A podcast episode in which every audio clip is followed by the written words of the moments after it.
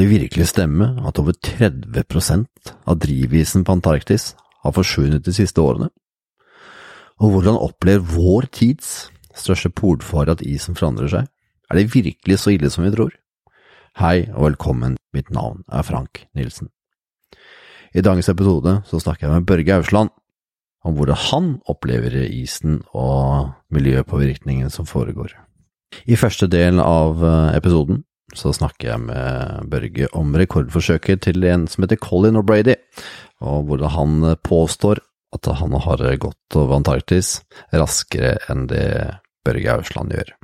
Så etter ti minutter så veksler vi over til miljø og miljøutfordringene. Og da er vi blant annet innom isen som forsvinner, det at vi sitter i glasshus. Vi er også innom The Ice Legacy Project, som Børge holder på med, og som er et tiårsprosjekt. Denne podkasten er laget med støtte fra Sparebank1 Østlandet. Den 175 år gamle banken har siden starten vært opptatt av å støtte samfunn og folk i nærområdet, og som første bank i Norge tar de av overskuddet og betaler utbytte tilbake til kundene sine. Når det gjelder bærekraft, mener banken trengs mer kunnskap til folk flest, og bærekraft kan oppfattes som et ullent og vanskelig begrep, men en bærekraftig utvikling er helt avgjørende for både oss og fremtidige generasjoner. Derfor jobber banken med bærekraft på alle tenkelige måter for tiden, og også valgt å støtte denne podkasten, noe jeg er utrolig glad for. Så nå er det bare å ønske velkommen til Børge Ausland, og tusen, tusen takk for at du hører på. Det ønsker jeg velkommen til Børge Ausland. Velkommen, Børge. Takk. Du har jo nå vært Er det 25 år vi ble enige om? At du nå har gått ut eh, isødet? Det er faktisk over 30 da, siden den første turen som var over Grønland i 1986. Men um, Nordpolen 1994, det, det, begynner å bli noen år siden, det òg. Første solotur. Tida flyr. Ja. Før vi kommer inn på isen og dine opplevelser rundt det og Dice Legacy Project, mm. så tenkte vi å snakke litt om uh, en herremann som heter Colin O'Brady, som i disse dager sier han er verdens første til å gå unsupported over. Ja, ja. Har du tanker om det? Ja, det var jo en 20 To i 22 ble jeg blitt. Nei, altså, jeg gjorde jo den turen i 1997. Starta i 96 og avslutta i 97. Um, og ble jo den første til å krysse Antarktis uten etterforsyninger. Og, og, så kom jo plutselig dette her opp, og det var jo veldig overraskende for meg, egentlig.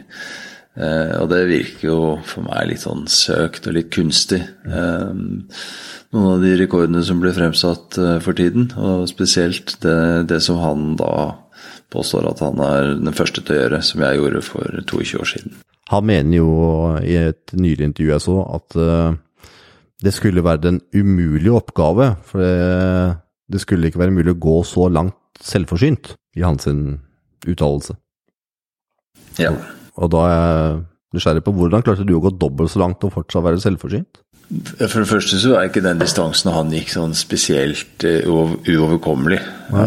Uh, så det er jo flere som har uh, vært Eh, oppi de distansene der. Jeg lurer på om ikke Cecilie Skog og Ryan Waters gikk uh, vesentlig lenger enn han, til og med, uten ja. noen som helst form for uh, etterforsyninger eller skiseil eller noen ting. Og grunnen til at jeg klarte å gå dobbelt så langt, var jo at jeg hadde med meg nok mat og gikk hardt. Og også hadde med skiseil som jeg kunne bruke på deler av turen. Hva er årsaken til at han mener at han er den første som har klart å gjøre noe sånt? Han, han, mener at siden jeg brukte et skiseil som er et um, lite sånn firkanta um, fallskjermaktig uh, innredning som jeg bruker når vinden kommer fra en god retning, uh, at det er det samme som å motta støtte utenfra. Eller at det er en kunstig måte å bevege seg fremover på.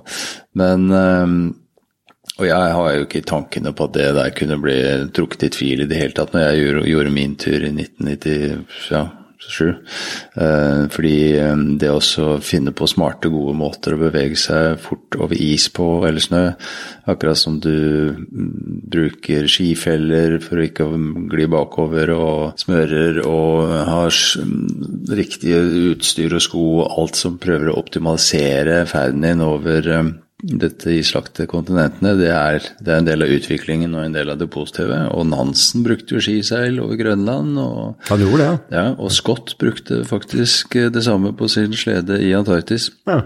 Og det er jo ikke lett, fordi, og det var noe av det farligste jeg gjorde, var jo også å seile med dette her eh, Seile over um, harde skavler og i forskjellige typer vindforhold. Så, så, for meg så virker det litt kustig hele greia, egentlig. Men, men uh, det er to forhold til som gjør at uh, ingen seriøse aktører i polarmiljøet kommer til å godkjenne han, hans sin ferd. og det, er, det, ene er jo at han ikke starta fra havkanten, han starta fra bunnen av fjellene. Og, og, det andre er at fra Sydpolen og ut så fulgte han en vei som heter South Pole Highway. En vei? En vei, ja. Altså en kjørevei, eller? Ja, kjørevei. Som er en, en, rute som amerikanerne bruker for å belte tunge konstruksjoner og utstyr inn til Sydpolen. Og den er eh, satt opp med flagg for hver hundrede meter, og alle bresprekker er fylt opp, og det er liksom helt jevnt og slett og fint. Og det er en av de grunnene til at han var så rask ut fra Sydpolen. For det er jo bare å gå på autopilot, du trenger ikke å navigere engang. Så hans rekord den kommer aldri til å bli godkjent, uansett hva han uh, mener om alt det andre med skiseil og sånne ting. Kjente du følelsen av litt frustrasjon når du hørte om det, eller? Nei, egentlig ikke. Bare litt sånn oppgitthet. fordi jeg må jo bare si at det er jo ikke første gang jeg er borti den der eh, problemstillingen der. Eh, det begynte jo med en kar som heter Randall Fines, som forsøkte å krysse Antarktis sammen med Mark Stroud for uh, ganske mange år siden. Det var til og med før jeg gikk solo over Antarktis. Og da han kom ned på Skjelfisen, som er der disse store isbarrierene eh, Altså fjellene slutter og disse store isbarrierene begynner. Så gikk de tom for mat, og måtte jo da bare bli evakuert, rett og slett. For de skulle jo helt ut i havkanten til McMurdo, sånn som samme tur som jeg gikk, da. Men så fant vi ut at ja, nå står vi på Skjellfisen, og 800 meter under oss er jo, er jo hav, fordi den ligger og flyter opp av havet, den Skjellfisen, selv om den er en del av bresystemet som kommer flytende ut fra landmassene. Så fant vi ut at ja, da kan vi jo si at vi har krysset Antarktis. Og den problemstillingen der og måten å tenke på eh, som er helt kunstig. Fordi disse isbarrierene har jo vært der i over 100 000 år, altså lenger enn land som Danmark og Holland. Og, altså lenge før siste istid så har jo de skjelvsvære, tjukke isbremmene eksistert.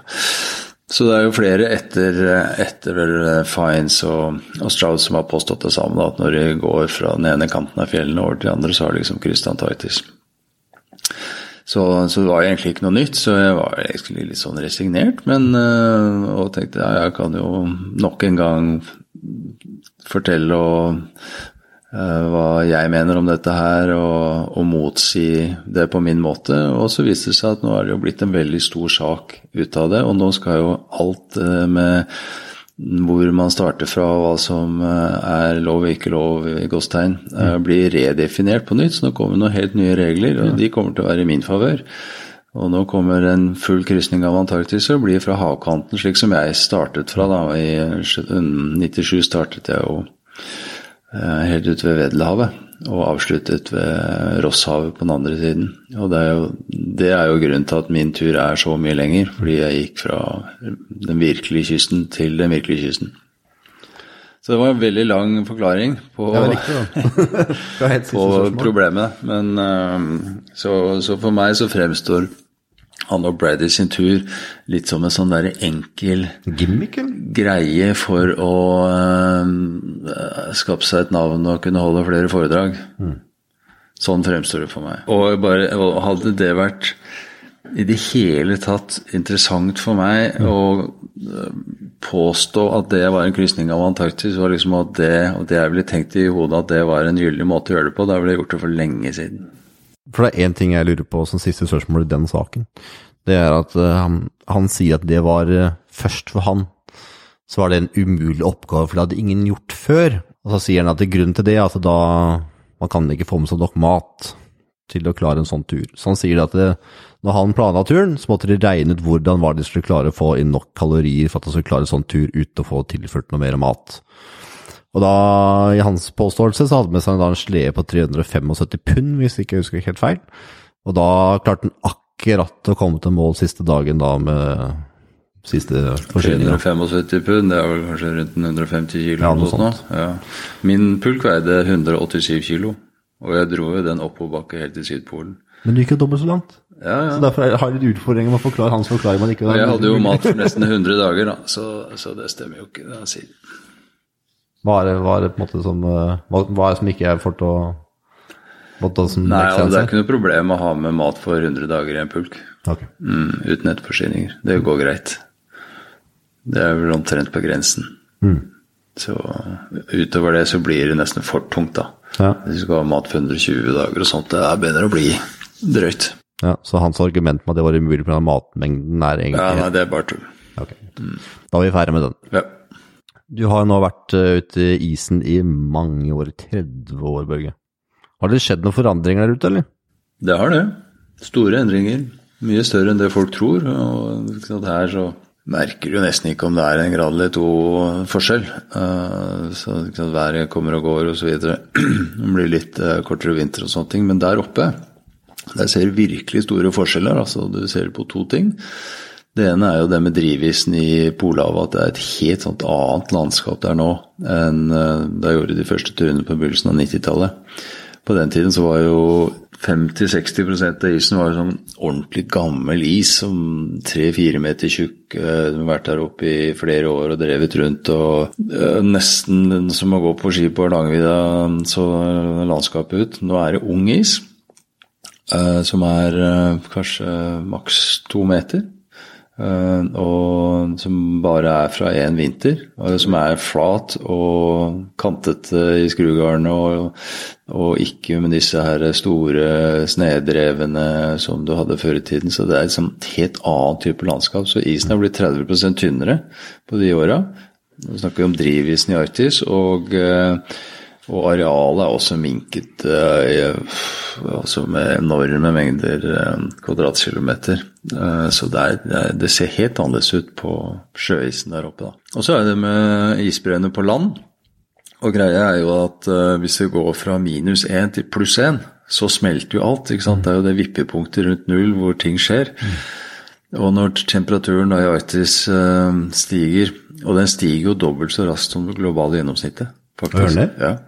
Og en av grunnene til det er jo nettopp at havisen forsvinner, fordi det, det gjør at uh, havtemperaturen stiger. Fordi uh, hvit is uh, reflekterer jo 80-90 av energien fra sola. Og når det blir erstatta med åpent hav, som har en mørk overflate, så er det det motsatte som skjer. Så havtemperaturen stiger, og det har jo effekt på hele temperaturen i Arktis. Og, og isbreene på land begynner jo da også å smelte mye raskere enn før. Og det er jo også veldig visuelt synlig når, når de gangene jeg kommer tilbake til de samme stedene med noen års mellomrom, så er det jo altså flere hundre meters endring i brefronter, og ting trekker seg tilbake.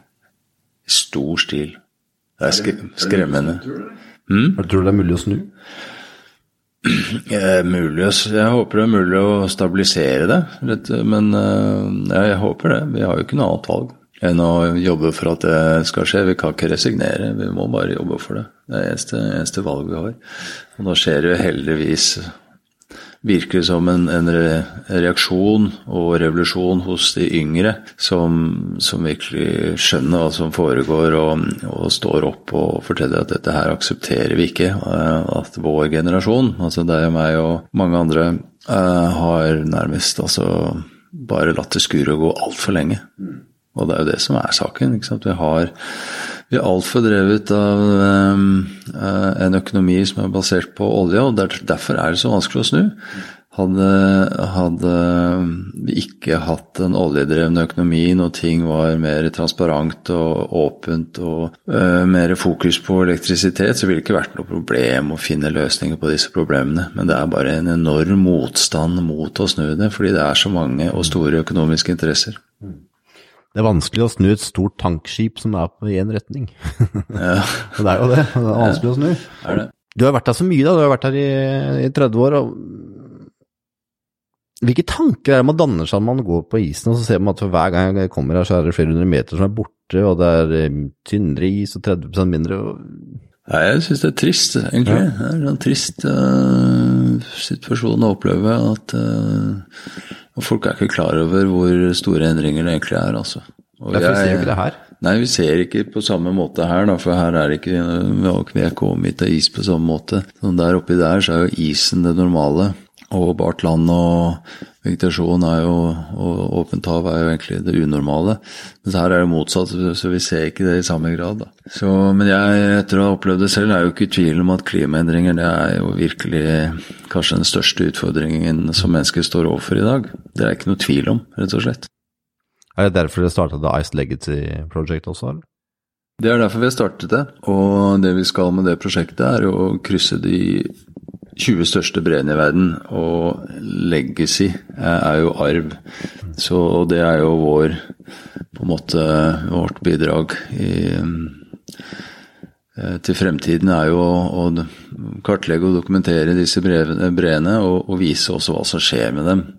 Og det gjør vi på, på flere måter. Det ene er at vi har et samarbeid med Airbus Space and Defence, oh, ja, som er et uh, selskap i Airbus-systemet som uh, uh, tar satellittbilder, og vi får jo detaljerte satellittbilder over disse breene helt ned til én meters oppløselighet.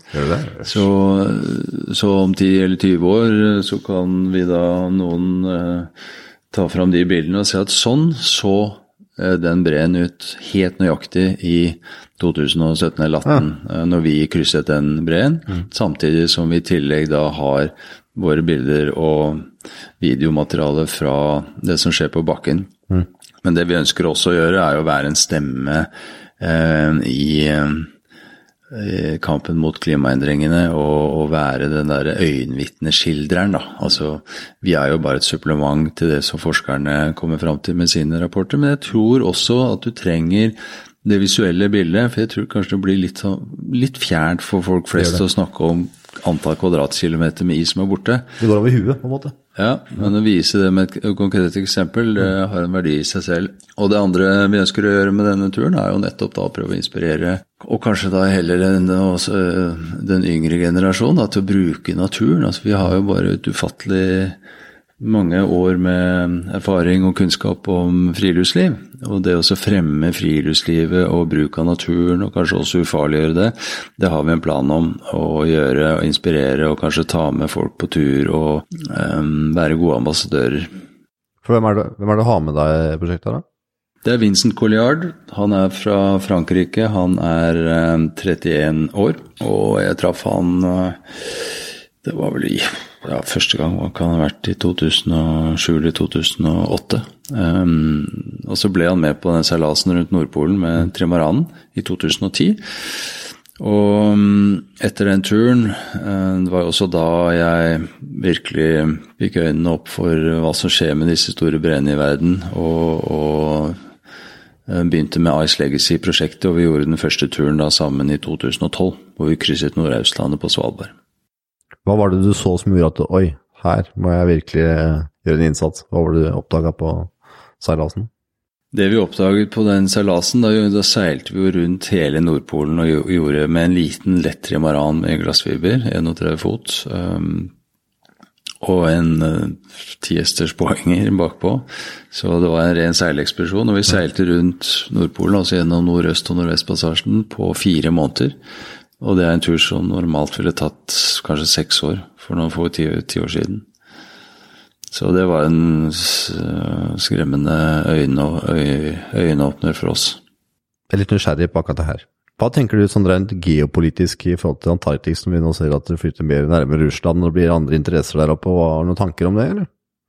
Det er jo et paradoks at, uh, at de uh, tingene som gjør at Arktis smelter, og isen i Arktis smelter, gjør at uh, det blir økt interesse for Arktis ut fra et politisk og økonomisk perspektiv. Å åpne shippingruter fra Kina til, uh, til Bremen f.eks. Eh, det er ikke noe positivt at, at det skjer, tror jeg.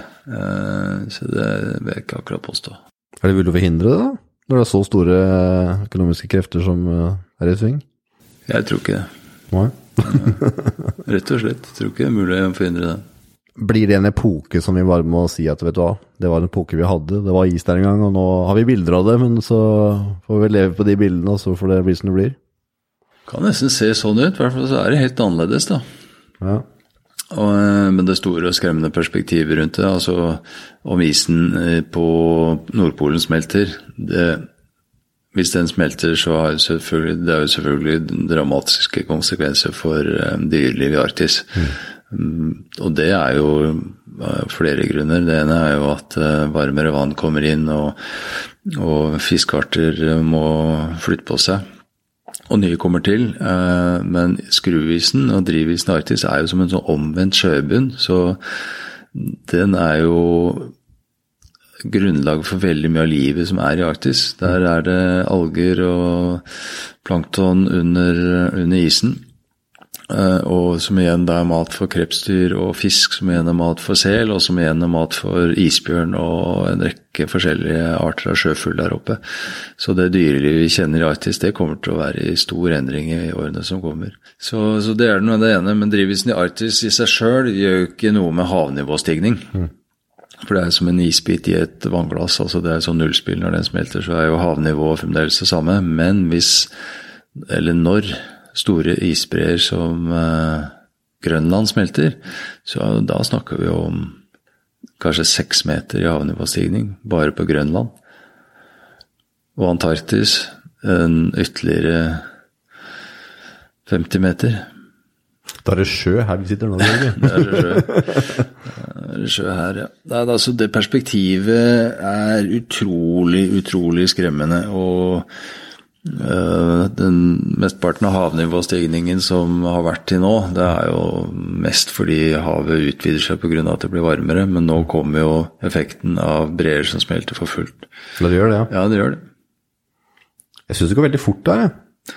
Det går fort.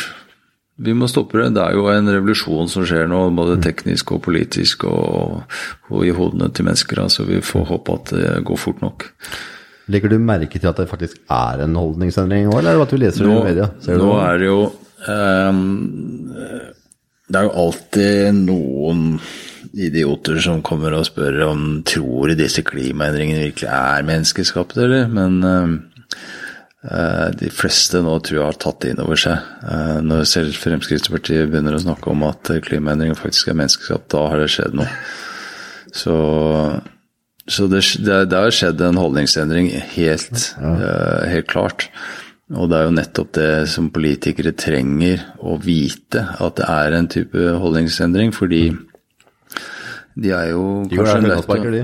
Hva? Ja, de går der høna sparker, de. Ja, det er akkurat det. Og så, og så trenger de å gjøre valg, da. Ja.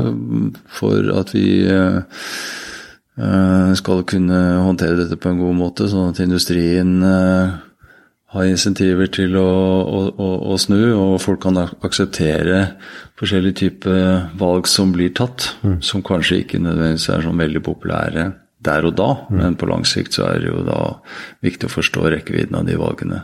Og vi velger jo politikere for at de skal ta rette valgene for oss. Så vi trenger jo modige politikere. Ja, det.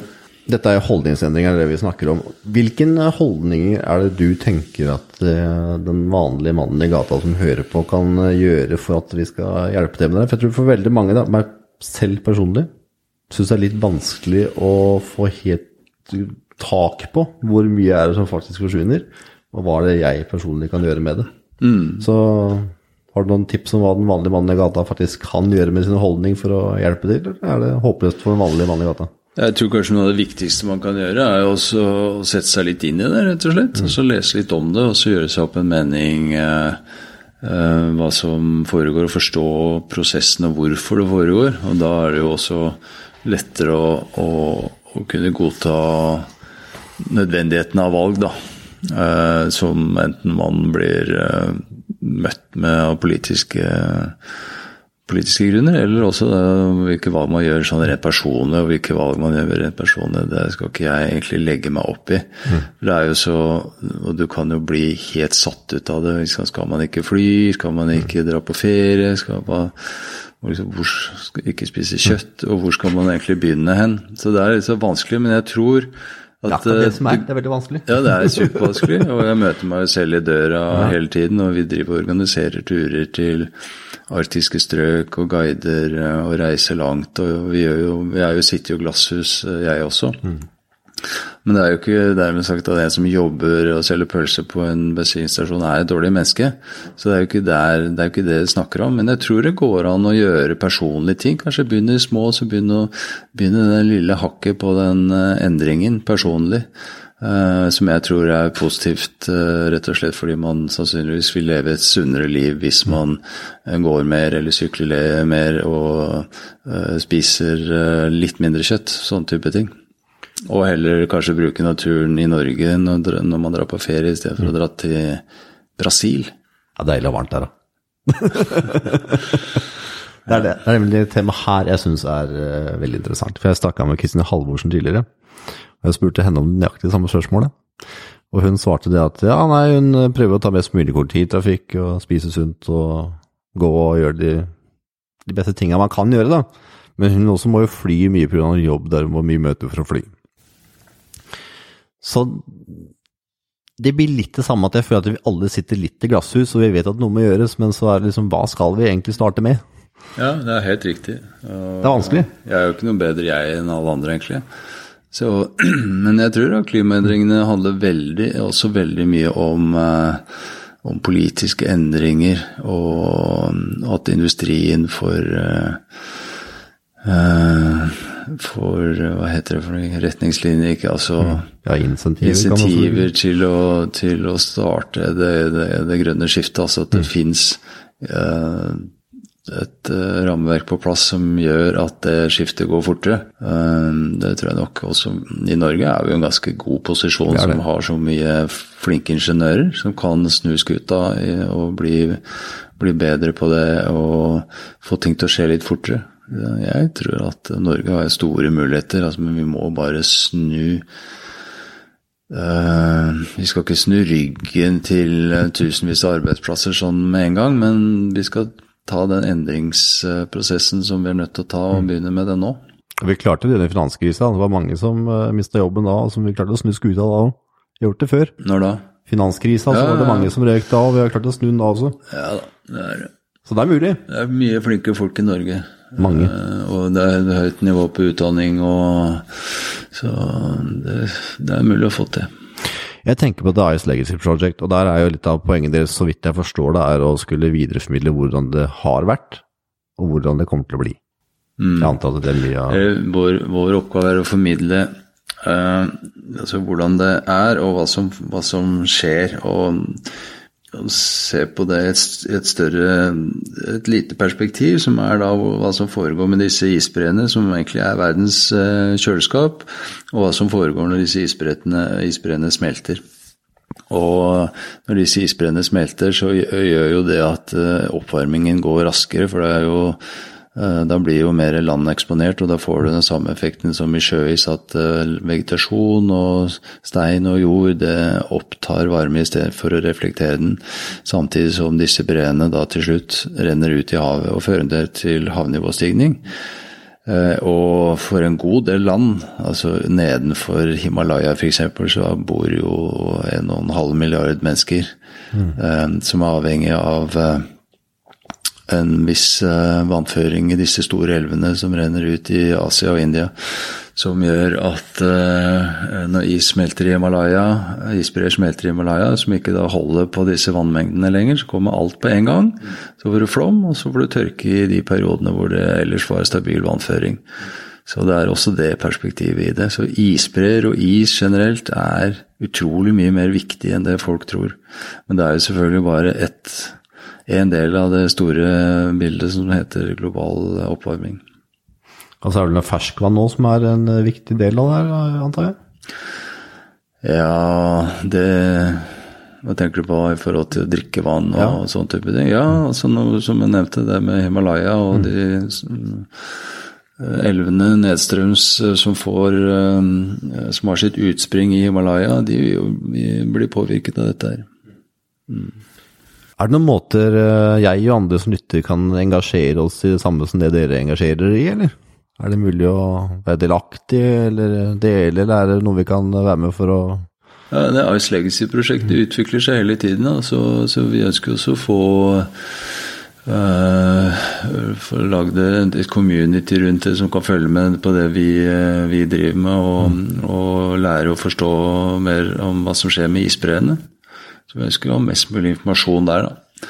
Så vi trenger, vi trenger, både folk som er interessert i det, men trenger også litt hjelp, faktisk, da, altså, til å fylle den verdenen og den organisasjonen som vi har stablet på Breina. Vi har lagd det om til en organisasjon med utgangspunkt i EU. Ja.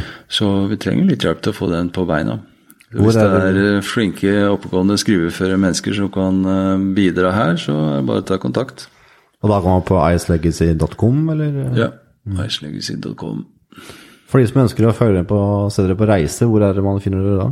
På samme sted og på Facebook og Instagram. Det er også Ice Legacy? Mm. Mm. mm. Så siste spørsmål, Børge. Hva,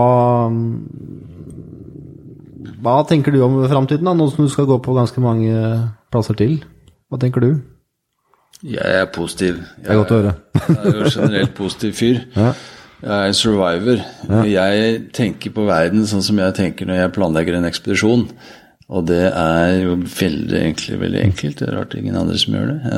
Og det handler om Det er sikkert mange som gjør det. Men jeg tror også det er um, det som er med oppskriften. Og det er jo først og fremst å forstå problemet. Mm. Og hvis du, hvis du, forstår et problem, mm. så veit du også at det fins en løsning, og du må jo bare være flink nok til å velge rett løsning. Og det er derfor jeg mener at det er viktig at folk setter seg inn i saken og forstår hva som skjer. Mm.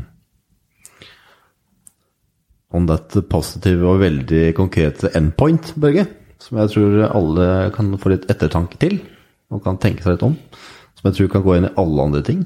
For vi er nok veldig flinke til å ha utfordringer vi ikke setter oss inn i. Helt riktig. Så takker jeg deg så mye for praten. Takk. Og lykke til på neste ekspedisjon. Det er ikke så lenge for neste gang. God tur, Børge. Takk.